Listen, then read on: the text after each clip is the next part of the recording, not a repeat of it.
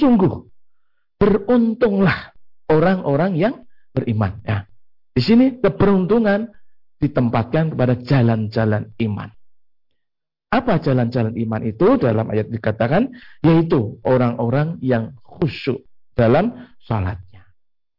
Dan orang-orang yang menjauhkan diri dari perbuatan-perbuatan yang tidak berguna, tidak bermanfaat. Ya, Ini orang-orang yang beriman. Dan juga orang-orang yang menunaikan zakatnya.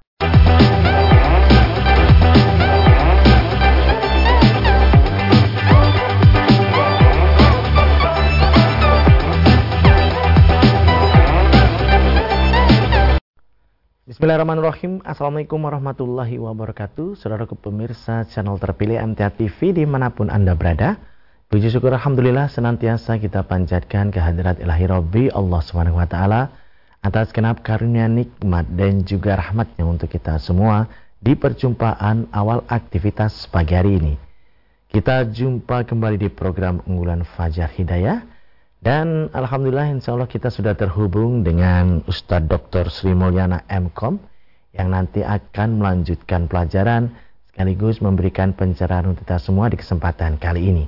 Assalamualaikum warahmatullahi wabarakatuh Ustadz. Waalaikumsalam warahmatullahi wabarakatuh. Kabar baik dan sehat pagi ini Ustadz.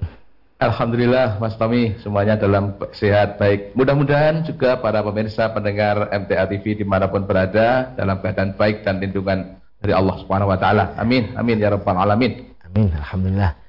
Dan pemirsa nanti bisa bergabung bersama kami di line telepon 02716793000, SMS dan juga di WA kami di 08 11 255 3000. Kita simak pelajaran kita pagi ini. Silakan Ustaz. Baik, terima kasih. Bismillahirrahmanirrahim. Assalamualaikum warahmatullahi wabarakatuh. Alhamdulillah, alhamdulillahillazi arsala rasulahu bil huda wa dinil haqq liyudhiru ala dini kulih. Wa kafa billahi syahida. Nasta'inuhu wa nastaghfiruh wa na'udzu billahi min shururi anfusina wa min sayyiati a'malina. May yahdihillahu fala mudhillalah wa ma yudlilhu fala hadiyalah.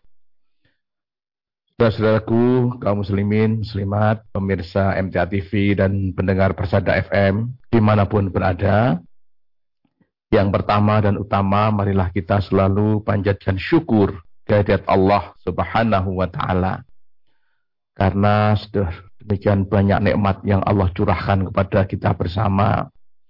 Wa in ta'udu ni'matallahi la tuhsuha. Sungguh, kalau kamu menghitung seberapa banyak nikmat Allah itu pasti tidak dapat menghitungnya karena memang saking banyaknya. Saudaraku, pada kesempatan pagi hari ini kita akan sampaikan uh, beberapa hal yang terkait dengan orang-orang yang beriman beramal soleh. Sungguh akan mendapatkan keberuntungan, keberkahan, segala hal-hal yang baik yang didambakan, yang diinginkan oleh manusia itu sendiri sebetulnya oleh Allah ditempatkan, diletakkan kepada jalan-jalan keimanan dan jalan-jalan amal yang soleh. Saudaraku, bahwa manusia dalam memenuhi keinginannya untuk mencapai kehidupan yang bahagia itu ada yang dengan menempuh, ya, mencari, mengumpulkan dari segi mulk maupun mal, ya, jadi dari segi kekuasaan maupun dari segi harta. Dia mengira bahwa itu semuanya lah yang bisa mencukupkan, bisa membahagiakan kehidupannya. Sementara ada yang lain juga yang mendapatkan kebahagiaan itu adalah dengan pemenuhan din. Ya. Pemenuhan mal maupun muluk artinya adalah segala macam asbab-asbab zahir, asbab-asbab yang bisa kita lihat, asbab-asbab yang kita bisa rasakan ya dalam kehidupan dunia ini. Ya, dari segi zahirnya. Sedangkan asbab-asbab adin adalah jalan-jalan keimanan dan jalan-jalan amal yang yang saleh. Saudaraku, banyak orang berpendapat atau mengira bahwa yang memberikan ketenangan, kebahagiaan, kesejahteraan, keamanan dan lain-lainnya pada pemenuhan ada atau tidaknya materi yang ada pada dirinya. Orang lain mengira bahwa terpenuhinya dunia ini adalah sebuah izzah, sebuah kemuliaan. Jadi ketika diberikan dunia lancar, itu adalah sebuah kemuliaan, ya. Perasaan manusia itu, ya. Inilah adalah sebuah falah, sebuah kemenangan, sebuah kejayaan. Padahal saudara-saudaraku semuanya, Allah tidak meletakkan itu semuanya tadi, kebahagiaan, ketenangan, kesejahteraan, keamanan, dan lain-lainnya itu ada pada bentuk materi sebut. Melainkan Allah letakkan itu semuanya adalah pada pemenuhan atas jalan iman dan jalan amal yang soleh, yaitu jalan para ambia. Saudaraku, banyak ayat-ayat Al-Quran yang menyatakan dan menjelaskan tentang hal ini. Apabila Allah mengendaki yang pertama tentang keberuntungan, ketenteraman, maka hanya dapat diperoleh dengan jalan iman. Allah berfirman dalam surat Al-Mu'minun itu ya di bagian awal, A'udzubillahi minasyaitonirrajim. Qad aflahal mu'minun. Alladzina hum fi sholatihim khashi'un. Walladzina hum 'anil lagwi mu'ridun. Walladzina hum lizzakati fa'ilun al-ayah. Yang artinya sungguh beruntunglah orang-orang yang beriman. Ya. Di sini keberuntungan ditempatkan kepada jalan-jalan iman. Apa jalan-jalan iman itu? Dalam ayat dikatakan, yaitu orang-orang yang khusyuk dalam salatnya. Dan orang-orang yang menjauhkan diri dari perbuatan-perbuatan yang tidak berguna, tidak bermanfaat. Ya, ini orang-orang yang beriman dan juga orang-orang yang menunaikan zakatnya. Ya. Saudaraku, dalam ayat yang lain dalam surat Ar-Ra'd ayat ke-28 Allah juga berfirman, A'udzubillahi minasyaitonirrajim. Allazina amanu wa tatma'innu qulubuhum bi dzikrillah. Alla bi dzikrillahi tatma'innul qulub yaitu orang-orang yang beriman, maka hati mereka menjadi tentram hanya dengan mengingati Allah. Ingatlah, hanya dengan mengingati Allah lah hati ini akan menjadi tentram. Saudaraku, yang kedua bahwa al-izzah, kemuliaan, hanya juga diberikan kepada orang-orang yang selalu berjalan atas iman dan atas amal yang salah. Allah berfirman dalam surat Al-Munafiqun ayat ke-8 bagian akhir Allah firmankan walillahil izzatu walil rasuli walil mu'minina walakinnal munafiqina la ya'lamun. Ya. Padahal kemuliaan itu hanyalah bagi Allah bagi rasulnya dan bagi orang-orang yang mukmin orang-orang yang beriman tetapi orang-orang munafik itu tidak mengetahui sedikit pun. Ya. Jadi surat Al-Munafikun ayat ke-8 bagian akhir. Saudara-saudaraku, banyak hal. Yang ini sebenarnya adalah suatu hal yang dicita-citakan, dicari, dan diusahakan oleh setiap manusia untuk memenuhi kebahagiaannya.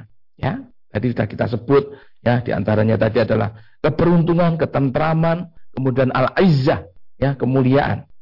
Sedangkan keamanan pun juga hanya diperoleh pada jalan-jalan iman. Jadi bisa dicek di surat Al-An'am ayat 82 ya, yang artinya orang-orang yang beriman dan yang tidak mencampur adukkan iman mereka dengan syirik. Ya. Mereka itulah orang-orang yang mendapatkan rasa aman dan mereka mendapat petunjuk. Ya. Kemudian masih banyak lagi ya, bahwa Pertolongan Allah pun ya juga hanya diberikan kepada orang-orang yang selalu menempuh jalan iman. Ya. Wa may. Dan barang siapa yang bertakwa kepada Allah, Allah akan memberikan jalan keluar. Dalam arti adalah bentuk-bentuk pertolongan. Ya. Di sini dalam surat Ar-Rum ayat ke-47 Allah juga berfirman, silakan nanti bisa dicek. Dan sungguh kami telah mengutus sebelum engkau Muhammad beberapa orang rasul kepada kaumnya. Mereka datang kepadanya dengan membawa keterangan-keterangan yang cukup. Lalu kami melakukan pembalasan terhadap orang-orang yang berdosa. Ya. Dan di akhirnya ini wa alaina nasrul mukminin ya. Wa kana haqqan alaina nasrul mukminin ya. Ini pernyataan Allah. Dan merupakan hak kami, hak Allah untuk memberikan pertolongan kepada orang-orang yang beriman. Ya. Kemudian di surat Al-Hajj, ya, surat ke-22 ayat 40, Allah juga berfirman, ya, Wala yang suranallaha man yang suruh innallaha laqawiyyun aziz. Ya. Allah pasti akan menolong orang-orang yang menolong agamanya. Sungguh Allah maha kuat lagi maha perkasa. Surat Al-Mu'min ya ayat 51 ya di sana juga Allah berfirman ya sesungguhnya kami akan menolong rasul-rasul kami dan orang-orang yang beriman dalam kehidupan dunia ini dan pada hari eh, tampilnya para saksi di hari kiamat. Sungguh pertolongan Allah juga hanya dijanjikan kepada orang-orang yang yang beriman. Kemudian lagi saudara-saudaraku, kecintaan dan dikasihi oleh sesama ini pun juga diberikan kepada orang-orang yang selalu berjalan di jalan Allah. Ya. Sungguh orang-orang yang beriman dan mengerjakan kebajikan, maka Allah yang Maha Pengasih akan merasa, menanamkan rasa kasih sayang. Ya, ini juga bagi jalan-jalan keimanan. Oke. Saudaraku yang dirahmati Allah, jalan iman ini adalah jalan yang mari pantas kita upayakan bersama. Sebuah keimanan adalah sebuah jalan yang harus dibuktikan dengan perbuatan ya amal soleh dalam kehidupan sehari-hari. Ya. Bahkan dalam hal ketinggian derajat pun Allah menempatkan kepada orang-orang yang beriman. Dalam surat Ali Imran ayat 139 Allah firmankan A'udzubillahi minasyaitonirrajim wala tahinu wala tahzanu wa antumul a'launa in kuntum mu'minin. Janganlah kamu merasa lemah dan janganlah pula kamu bersedih hati. Sebab Sesungguhnya kamulah orang-orang yang ditinggikan derajatnya jika kamu adalah orang-orang yang beriman. Kemudian orang-orang yang beriman pun dijanjikan akan mendapatkan keberkahan. Keberkahan adalah sesuatu yang ketika diterima oleh kita bersama sebagai orang-orang yang menerima itu adalah akan berdampak baik, akan menghasilkan sesuatu yang manfaat kepada kehidupan manusia itu. Ya, ini serasa ayat yang sudah sangat sering sekali kita sampaikan di surat Al-A'raf ayat 96 ya. Walau anna ahlal qura amanu wa taqau la fatahna alaihim barakati minas sama'i wal ard walakin kadzabu fa akhadnahum bima kanu yaksibun ya. Jadi sekiranya penduduk suatu negeri itu beriman dan bertakwa maka pasti kami Allah akan membukakan ya keberkahan bagi mereka baik yang datang dari langit maupun yang datang dari bumi gitu ya. Tetapi ternyata mereka mendustakan ayat-ayat kami ya. Maka kami siksa mereka sesuai dengan apa yang mereka kerjakan ya. saudaraku uh, hal lain yang juga diinginkan dicita-citakan oleh kita bersama adalah kehidupan yang baik. Ini pun oleh Allah dijanjikan hanya kepada orang-orang yang beriman. Dalam surat An-Nahl ayat 97 ya. A'udzubillahi minasyaitonirrajim. Man 'amila salihan min zakarin aw unsa wa huwa mu'minun fala nuhyiyannahu hayatan thayyibah wa lanajziyannahum ajrahum bi ahsani ma kanu ya'malun gitu ya. ya. Dan di sini Allah firmankan barang siapa yang mengerjakan kebajikan, baik dia laki-laki maupun perempuan, dalam keadaan yang beriman, maka pasti kami akan berikan kepadanya kehidupan yang baik dan akan kami beri balasan dengan pahala yang lebih baik dari apa yang mereka kerjakan. Ya. Dan kesejahteraan, rasa tenang, terbebas dari kegelisahan, kesusahan, ini pun juga hanya diberikan oleh Allah kepada orang-orang yang yang beriman. Dalam surat Yunus ya.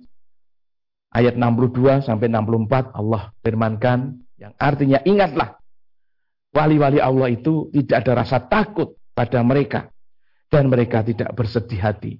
Siapa wali-wali Allah itu? Yaitu orang-orang yang beriman dan senantiasa bertakwa. Bagi mereka berkah gembira di dalam kehidupan dunia dan akhirat. Tidak ada perubahan bagi janji-janji Allah. Itulah kemenangan yang yang agung. Oleh karena itu, saudara-saudaraku, rahimakumullah di mana pun berada. Jalan bahagia dengan utamanya mengandalkan mal dan mulk, harta dan kekuasaan, itu hanya sebuah perkiraan. Sebuah apa namanya angan-angan bagi manusia itu. Ya. Sifatnya bersifat relatif. Bisa jadi ya, bisa jadi tidak. Sedangkan yang pasti akan terjadi adalah yang atas kemauan Allah, atas kehendak Allah, atas nas, atas ketetapan dari Allah Subhanahu wa taala. Ya. Jadi kalau Allah menghendaki, maka jadilah dia. Sedangkan kalau Allah tidak menghendaki, maka tidak akan terjadi. Sedangkan apa-apa yang kita sampaikan tadi dari poin-poin 1 sampai ke 9 bahkan itu adalah semua penjelasan-penjelasan yang sudah dinyatakan oleh Allah, yang dijanjikan oleh Allah kepada orang-orang yang selalu berada pada jalan keimanan, jalan uh, ketakwaan dan jalan yang dibuktikan dengan amal-amal yang yang soleh.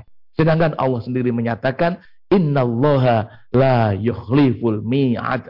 Allah adalah zat yang tidak pernah akan memungkiri janji-janjinya.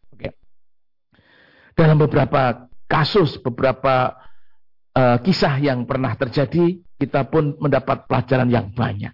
Ya. Satu kasus yang paling muktabar dapat dibaca dalam Al-Quran ya, nanti dalam perang Badar, saudara-saudaraku. Abu Sofyan, ya, telah dapat menghindari dari hadangan orang-orang yang beriman. Ya, ketika itu akan dicegat oleh orang-orang yang beriman dalam suatu apa namanya perdagangan begitu, tapi bisa menghindari bahkan ya sekembalinya di Mekah mempersiapkan seribu orang pasukan lengkap dengan persenjataannya ya untuk menghadapi kaum muslimin yang ketika itu menurut kisah hanya sekitar 300-an orang. Ada yang menyebut 313 orang. Itu pun senjatanya seadanya. Ya. Lalu apa yang terjadi akhir dari cerita perang Badar itu? Maka Allah berikan kepada orang-orang yang beriman itu adalah kemenangan yang hilang gemilang. Walaupun dalam jumlah yang sedikit. Ya. Nanti bisa disimak kisah-kisah ini ya dalam surat Al Imran mulai ayat 123 dan 125. Ini pelajaran yang sangat berharga bagi kita bersama. Dan sungguh Allah telah memberikan pertolongan kepada kamu pada perang Badar. Ya, ini menyampaikan, menceritakan kepada Rasulullah SAW betapa pertolongan Allah yang sangat besar ketika terjadi di perang Badar. Padahal kamu dalam keadaan yang lemah, jumlahnya sedikit, peralatannya terbatas. Karena itu bertakwalah kepada Allah agar kamu mensyukurinya. Ingatlah ketika engkau wahai Muhammad mengatakan pada orang-orang yang beriman. Apakah tidak cukup bagimu bahwa Allah membantu kamu dengan 3000 malaikat yang diturunkan dari langit? Ya, cukup. Jika kamu bersabar dan bertakwa ketika mereka datang menyerang kamu dengan tiba-tiba, ini saya Allah menolongmu dengan 5000 malaikat yang memakai tanda. Jadi kalau Allah tidak menolong hambanya itu tidak menjadi sulit bagi Allah. Karena Allah justru zat yang maha kuasa. Maka yang lebih penting bagi kita bersama, bagaimana kita melakukan asbab sehingga pertolongan Allah itu menghampiri datang kepada kita. Dan asbab itu adalah asbab sebagai orang-orang yang selalu berada pada jalan iman, jalan takwa, jalan tauhid, jalan akidah yang lulus, jalan pada kebenaran yang sudah Allah berikan petunjuknya kepada kita bersama. Oleh karena itu, saudaraku semuanya, marilah ya kita bersama sebagai hamba Allah yang sudah nah, mendapatkan banyak nikmat ini, betul-betul kita syukuri nikmat ini dengan selalu memanfaatkan, menggunakan ya segala nikmat tersebut untuk bertakarrub ilallah, kita manfaatkan untuk memperkuat, memperkokoh keyakinan, keimanan yang tertanam dalam hati kita. Sehingga betul-betul kita akan mendapatkan sesuatu yang betul-betul diidamkan, dicari, dan didambakan oleh setiap orang, yaitu segala, macam bentuk keberuntungan, keberuntungan yang tadi sudah kami sebutkan pada bagian awal ya isian ini. Mudah-mudahan saudara-saudaraku semuanya kita mendapatkan pertolongan Allah dan kemudahan untuk selalu berkhidmat pada jalan iman ini dan membuktikan selalu dengan amal-amal yang yang soleh. Mudah-mudahan. Demikian Mas Tommy yang ya. dapat kami sampaikan pada kesempatan pagi hari ini. Mudah-mudahan kita diberikan kefahaman dan sekali lagi selalu mendapat pertolongan dari Allah untuk selalu menempuh jalan-jalan yang memperkuat menuju kepada keimanan kepada Allah Subhanahu wa taala. Makatan Mas Tommy. Eh, ya. Baik pemirsa, kami harapkan Anda bisa bergabung bersama kami di line telepon 0271 679 3000, SMS dan juga di WA kami di 08 11 255 3000. Namun sebelumnya kita akan simak beberapa informasi dalam rangkaian jeda pariwara berikut ini. Baik saudaraku pemirsa channel terpilih MTA TV di mana pun Anda berada, terima kasih Anda masih setia bersama kami khususnya di program unggulan Fajar Hidayah pagi ini. Kami persilahkan kesempatan pertama di line telepon 02716793000 untuk bisa bergabung. Halo, Assalamualaikum. Baik, langsung kita bacakan Ustadz, sementara kita menanti yang ada di line telepon. Yang pertama pertanyaan di SMS dan WA dari Papa Heri di Wonosobo Ustadz. Menanyakan sholat taubatan nasuha apakah boleh dilaksanakan sebelum sholat subuh Ustadz? Demikian. Ye, baik Pak Heri di Wonosobo Ye. Jadi apa yang dimaksud dengan sholat taubatan nasuha itu sependek yang saya tahu kami belum tahu tentang istilah itu dan riwayat tentang yang menyatakan sholat taubatan nasuha. Ya, memang taubat ya, taubatan nasuha itu sangat dituntunkan. Justru itu menjadi jalan bagi orang-orang yang melakukan kesalahan. Ya, uh, bahwa al insanu mahalul khata wa nisyat. Manusia itu memang salah dan lupa itu sudah biasa. Wa khairu khataiha at-tawwabin. Dan sebaik-baik orang yang salah itu adalah yang bertobat. Nah, tobat itu bagaimana? Nanti salah satunya banyak sekali aja yang menyatakan bagaimana harus bertobat di surat Al Imran ayat 135 itu adalah telah masuk ciri-ciri orang yang beriman, ya. A'udzubillahi minasyaitonirrajim wallazi Wallazina idza fa'alu fahishatan aw dzalamu anfusahum zakarallah fastaghfaru lidzunubihim. Ya. Wa may wa may uh, yaghfiru dzunuba wa yusirru ala ma fa'alu wa hum ya'lamun gitu ya dan orang-orang yang apabila mengerjakan perbuatan yang keji atau menzalimi diri sendiri maka segera ingat Allah. Ingat Allah itu maknanya adalah segera menghentikan perbuatan itu dan menyesali.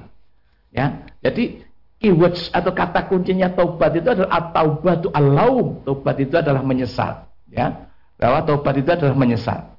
Menyesal itu artinya ya namanya menyesal ya jangan mengulangi perbuatan itu dan mengikuti dengan perbuatan-perbuatan yang yang lebih baik gitu ya. Ya. Nah, perbuatan yang lebih baik itu bisa dilakukan dengan salah satunya mengerjakan sholat, ya, mengerjakan sholat-sholat sunnah, ya. Tentunya sholat-sholat sunnah yang sudah uh, jelas dituntunkan dalam agama ini ya sholat rawatib ya sholat duha ya uh, sholat sholat yang lain gitu ya yang sudah jelas gitu ya okay. Ya nah ketika kita mau sholat yang tidak terikat oleh waktu kapan pun dengan kepentingan apa pun gitu ya untuk menyesali mengikuti perbuatan yang baik ya itu tidak tidak dipermasalahkan dalam agama justru dituntunkan yaitu uh, selalu zikir yang banyak ya. Sholat li zikri, sholat untuk mengingatku. Tentunya juga perlu dipertimbangkan waktu-waktu yang dilarang sholat. Apa aja? Ada ya ketika tepat matahari terbit, tepat matahari di tengah-tengah gitu ya, dan tepat matahari terbenam itu adalah waktu-waktu yang tidak boleh mengerjakan sholat ya. Nah, lah sholat semacam ini apakah disebut sholat taubat, sholat apa itu ya tidak ada istilah yang mengkhususkan semacam itu ya. Ya, intinya memang boleh melaksanakan sholat dalam rangka mengikuti perbuatan-perbuatan yang kita taubati itu dengan mengikuti perbuatan-perbuatan yang yang baik ya. Sebagaimana ayat yang kita sebut tadi sampaikan di surat Ali Imran ayat 135 ya. Mengatakan ya, Mas dari Wonosobo, Mas Heri dari Wonosobo. Ya. Begitu Mas Tommy? Ya. Kami kembali di line telepon di 02716793000. Kami persilakan. Halo, Assalamualaikum. Waalaikumsalam warahmatullahi wabarakatuh. Ya, dengan siapa? Di mana Bapak? Dari Kendal. Bapak siapa? Bapak Johan ya? Sunario dari oh, Bapak Sunario silakan. Assalamualaikum Ustaz. Waalaikumsalam warahmatullahi wabarakatuh. Monggo Bapak Naryo. Saya itu tak perang seperti saya seorang penjadi. Nah, istri saya kurang jelas ekonominya akan di atas. Pak Sunario, mohon bisa dikecilkan atau dimatikan radio atau televisinya agar lebih jelas yeah. artikulasinya? Ya. Baik, silakan diulangi. Saya itu seorang seperti saya seorang penjahit. Ya, istri saya itu seorang pedagang. Kelas ekonominya kan lebih lebih istri saya kan gitu. Nah, setelah saya anu apa kok otomatis kan ya suami kan ekonominya kan uh, bukan begitu bisa menyusupi dalam waktu. Nah, lalu kita selain menyemangkan saya itu apa sebagai suami juga memenuhi dalam kekeluargaan itu Ustaz. Itu Ustaz. Saya ulangi Bapak Sunari ya. Iya. Yeah. Apakah apakah sang istri mencemooh sang suami begitu ya? Iya, gitu. Karena ekonomi begitu? Ya, oke. Okay, oh, begitu. Ya. Assalamualaikum warahmatullahi wabarakatuh. Waalaikumsalam warahmatullahi wabarakatuh. Waalaikumsalam warahmatullahi wabarakatuh. Ije, Pak Saudara ya, kalau ada kejadian peristiwa istri mengolok-olok, mencop, mencemooh, merendahkan suami, itu adalah perbuatan yang tidak benar sama sekali gitu ya. Justru kewajiban istri itu adalah betul-betul mendengar dan mentaati suaminya ya selama dalam kebenaran tentunya gitu ya bahkan bahkan bahkan ya ini sampai Rasulullah menggambarkan sekiranya seandainya diizinkan seseorang orang itu bersujud kepada orang maka pasti akan uh, diperintahkan. Istri-istri itu bersujud kepada suami ya. Ya. Namun ini tidak diizinkan. Persujud, persujudan antar orang itu nggak ada gitu ya. Ini betapa besarnya uh, Allah men, uh, Rasulullah menempatkan pun, uh, posisi suami pada rumah tangga itu adalah ar-rijalu qawwamuna 'ala nisa. Ya? Jadi laki-laki itu apa pun bentuknya, apa pun apa prejengannya ya kayak apa pun kondisinya itu adalah pemimpin dalam keluarga itu. Yang pemimpin itu harus ditaati ya, memang selama dalam kebenaran dan salam selama dalam petunjuk Allah ya. Oleh karena itu ya mudah-mudahan ya mudah-mudahan uh, apa yang terjadi pada seorang istri tersebut, mudah-mudahan ini tidak pada diri Pak Naryo ini ya sebuah sebuah ilustrasi saja ya. Itu segera diberikan hidayah oleh Allah. Jadi jalan surganya itu adalah suaminya. Ada sebuah hadis mengatakan bahwa seorang istri itu ketika sudah mengerjakan sholat lima waktu pada waktunya, lalu bisa menjaga amanah yang diberikan oleh suaminya sampai suatu saat meninggal atas ridho suaminya, maka tidak ada halangan bagi istri tersebut untuk apa masuk surganya Allah gitu ya. Jadi ini penting sekali. Nah, barangkali memang perlu di apa ya dimusyawarahkan dalam keluarga itu ya tentang uh, bagaimana membangun ekonomi yang baik, ekonomi untuk mencukupi kebutuhan keluarga itu gitu ya. Ya, tentunya seorang suami memang harus bertanggung jawab gitu ya. Memberi nafkah kepada keluarga itu adalah tanggung jawab seorang suami, kewajiban bahkan ini ya, kewajiban ya. Artinya kalau seorang suami itu apa namanya mengabaikan kebutuhan keluarganya itu berhukum dosa bagi seorang suami tersebut. Ya, hanya saja memang eh, la yukallifullahu nafsan illa wus'aha. Jadi Allah tidak membebani sesuatu kecuali sebatas apa yang dia mampu. Nah kemampuan suami terhadap keluarga itu apa? Kalau kamu makan, ya beri makan istrimu. Kalau kamu berpakaian, ya beri pakaian keluargamu. Ya, itu eh, Islam mengatur seperti itu.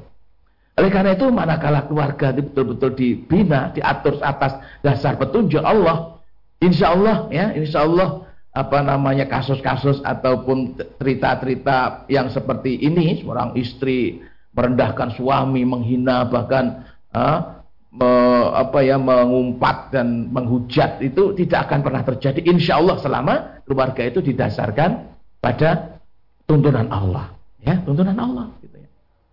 Jadi teladan yang baik, ya teladan yang baik tentang apa pun dalam dinullah dalam agama itu adalah Rasulullah Shallallahu Alaihi Wasallam. Termasuk dalam membina keluarga. Dan Rasulullah bukan bukan apa namanya berkecukupan serba ada, serba wah semuanya tidak pernah suatu saat dalam kondisi yang sangat sulit Rasulullah pun ya mengganjal perutnya sampai dua batu. Bertanya kepada istrinya, apa ada uh, untuk makan pagi hari ini? Gitu ya. Wah sudah dua hari kita tidak masak ya Rasulullah. Apa jawab Rasulullah? Ya wis, ya kalau begitu saya berpuasa hari ini. Indah sekali. Itu Rasul Nabi kita yang mengajarkan kepada kita bersama. Oleh karena itu kuncinya mari Pak, bapak-bapak, ibu-ibu semuanya ya, kaum muslimin muslimat, mari kita bina keluarga ini dengan tuntunan Allah. Insya Allah keluarga yang dibina di apa ya dibangun di atas petunjuk Allah pasti keluarga itu akan dirasakan keluarga yang yang tentram, yang sakinah, mawaddah, warahmah. Masing-masing menunaikan kewajibannya. Seorang istri menjalankan kewajibannya, maka itu akan menjadi hak dari seorang suami. Seorang suami kerjakan kewajibannya sebagai seorang suami, maka itu akan menjadi hak bagi istrinya. Ya. Dan ini semuanya perlu dikomunikasikan yang baik, yang baik, yang baik. Ya, karena tujuan dari pernikahan itu tidak lain adalah hanya mengharapkan ridho Allah dan untuk membangun keluarga yang kita sangat populer kenal dengan samaro, itu ya, sakinah, mawadah, warahmah. Sakinah itu terjadi ketenangan, ketentraman. Sehingga kalau bersama ketemu suami istri itu betul-betul rasanya sejuk, tenang gitu ya. Ya. Itu mawadah ya, saling saling apa menerima kecurhatan hati masing-masing saling apa mendengar ya dan rahmat Allah pasti akan dibangun untuk keluarga-keluarga yang dibangun atas petunjuk Allah ya. maka menurut saya solusinya mari fahami betul agama itu harus bagaimana ya ya kita harus lakukan ya dalam berkeluarga laksanakan itu semuanya. Mari insya Allah kita selalu dalam kebaikan. Begitu Bapak Sunaria di Kendal. Ya, Pak Tommy. Ya. Masih ada kesempatan di, kami bacakan yang ada di WA kembali Ustaz? Baik. dari Ibu Winarni di Sumatera Selatan. Ustadz mohon tausiahnya Bapak saya menghibahkan tanah berikut rumah sebelum adik laki-laki saya menikah. Namun kodarullah adik saya menikah dengan seorang gadis setangga dengan perjanjian bahwa setelah menikah harus ikut istri karena sudah dibuatkan rumah. Dan adik saya menyanggupinya. Namun yang menjadi masalah sekarang adalah setelah bapak meninggal, ibu menjadi tinggal sendirian karena anak-anaknya sudah menikah semua. Pertanyaannya, apakah yang harus adik saya lakukan, Ustadz?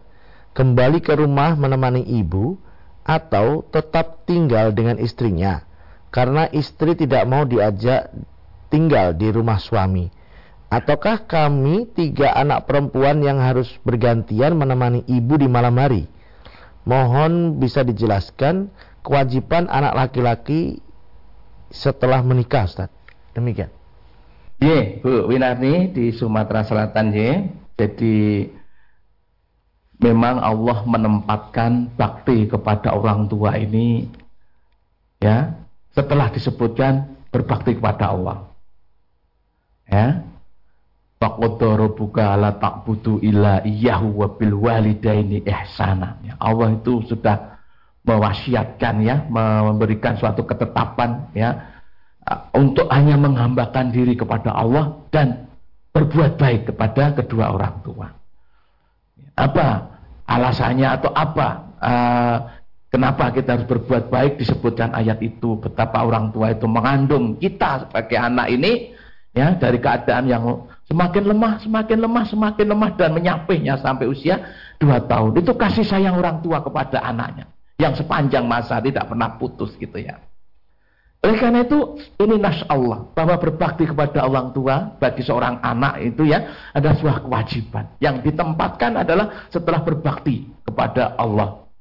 Maka oleh karena itu wajibannya ya tetap harus ya, menghormati dan berbakti berbuat baik kepada orang tua. Gitu ya.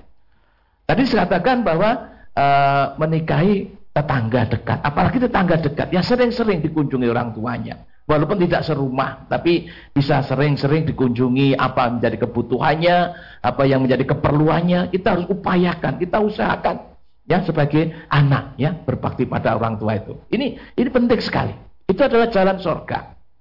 Maka pernah ada suatu hadis yang sangat muktabar ya. Sungguh sungguh rugi sekali, rugi sekali, rugi sekali. Rasulullah sampai menyebut tiga kali. Siapa yang rugi? Orang yang memiliki orang tua sedang orang tua itu yang sedang dalam pemeliharaannya dalam arti menjadi tanggung jawabnya kok tidak menjadikan dirinya masuk sorga.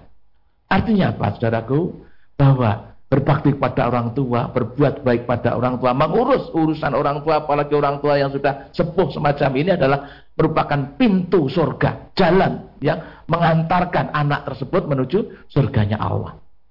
Ya, apalagi tadi anaknya sudah di di bayi, ya rumah dan sebagainya. Tapi hanya karena istrinya memiliki permintaan harus bersama istri, apakah terus tidak boleh ya memperhatikan orang tua? Tentunya kalau istri juga istri yang beriman pasti akan didorong suaminya itu untuk selalu tetap berbuat baik kepada kedua orang tuanya, kepada orang tuanya, ibunya apalagi begitu. Jadi ini penting sekali untuk untuk menjadi perhatian kita. Jangan sampai ketika orang tua kita ya orang tua kita sudah sepuh sudah lanjut usia menjadi merana padahal anak-anaknya adalah anak-anak yang sukses di mana pun berada. Ini akan, akan menyakitkan hati orang tuanya.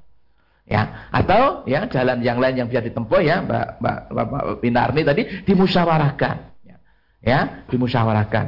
Kalau perlu ya diberi apa namanya seseorang yang bisa menemani itu ya, nanti digaji kalau perlu gitu ya. Tapi jangan jangan jangan terus kalau sudah menggaji lalu sudah uh, si apa sayonara pada orang tua jangan tidak boleh. Orang tua tetap harus mendapat perhatian ya. Ya tapi karena mungkin pengaturan dan sebagainya ya diberikan teman yang untuk menemani teman bicara teman menyiap, menyiapkan dahar yang menyucikan baju-bajunya dari orang tua itu ini suatu hal yang baik saya rasa anak-anaknya tadi tiga putri ya tidak harus lalu meninggalkan suaminya menemani ibunya juga bukan harus seperti itu. Tapi dimusyawarahkan pasti ada jalan keluar gitu ya. Ya tadi yang adik laki-laki ya tetap harus ya menjadikan orang tua itu adalah jalan menuju surganya. Allah harus mendapat perhatian begitu. Ya apalagi tadi cuma tetangga dekat begitu ya. Jadi sering-seringlah dikunjungi orang tuanya itu ya. Makatan Mbak Winarni di Sumatera Selatan. Ya baik. Berikutnya dari line telepon kita kembali di 6793000 kami persilakan. Halo assalamualaikum halo assalamualaikum Salam. Dengan siapa? Di mana, Bapak? Saya dari Jambi. Ya, dari Jambi, Jambi Pak siapa? Pak Sigit. Bapak Sri ya? Sigit. Oh, Pak Sigit. Silakan nah, Pak Sigit. Ini saya mau nanya, Pak. Bapak. Ini, Pak Sigit ya? ya? Ya. Ini kan saya pedagang keliling, Pak ya. Nah, pedagang keliling jualan saya itu sering sepi gitu pak. Jadi ada teman yang ngasih saran saya suruh mengamalkan suatu ayat di dengan puasa 40 hari dibarengi dengan sholat tahajud itu boleh enggak pak diamalkan tuh kira-kira pak? Ya, begitu? Nah, dengan puasa 40 hari gitu ya. mengamalkan ayat itu di, sekian dibaca sekian kali gitu. Ya. boleh diamalkan tidak tuh kira-kira? Ya demikian ya. Ya terima kasih ya Assalamualaikum. Waalaikumsalam warahmatullahi wabarakatuh. Jadi review Mas Tommy? Ya. tidak mendengar. Ya Pak Sigit ini yang dari Jambi adalah pedagang keliling Ustaz. Dan sudah mengalami sepi perdagangannya sekian waktu kemudian ada yang menyarankan untuk mengamalkan sesuatu yaitu mengamalkan suatu ayat untuk dibaca sekian kali, kemudian puasa 40 hari, kemudian sholat tahajud. Yang demikian apa bisa dilakukan? Iya. Jadi Mas apa Pak Sigit dari Jambi gitu ya. Bagi kita bersama hendaklah ditanamkan pada diri kita bahwa ar-razzaq, zat yang memberi rezeki pada kita itu adalah Allah. Itu pertama dulu. Yang menjadikan rame sepinya perdagangan kita itu ya ada kekuasaan Allah. Ya. Jadi kita memang diupai, diperintahkan untuk selalu berusaha begitu ya untuk apa namanya ya agar bagaimana perdagangan kita itu laris ya. Salah satu pintu asbabnya laris ya kita ber, apa berdagang dengan jujur, menjaga kualitas gitu ya, gitu ya. Nah, perkara amalan-amalan yang lain yang itu bisa menjadikan penglaris gitu ya. Itu belum pernah kami dapati bahwa ketika melaksanakan ibadah-ibadah yang penjenengan sebutnya tadi tujuannya agar laris. Itu uh, justru ibadah yang tidak benar untuk tujuan-tujuan semacam itu. Ya, ya tidak benar.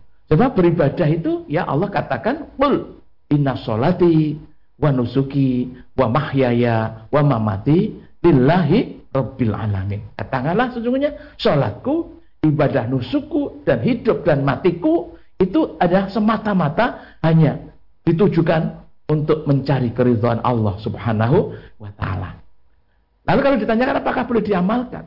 Boleh saja mengamalkan sholat tahajud bahwa sholat tahajud itu justru menjadi ibadah yang sangat diutamakan dalam Islam itu. Wa minal laili wa tahajjud bi nafilat ta'ala.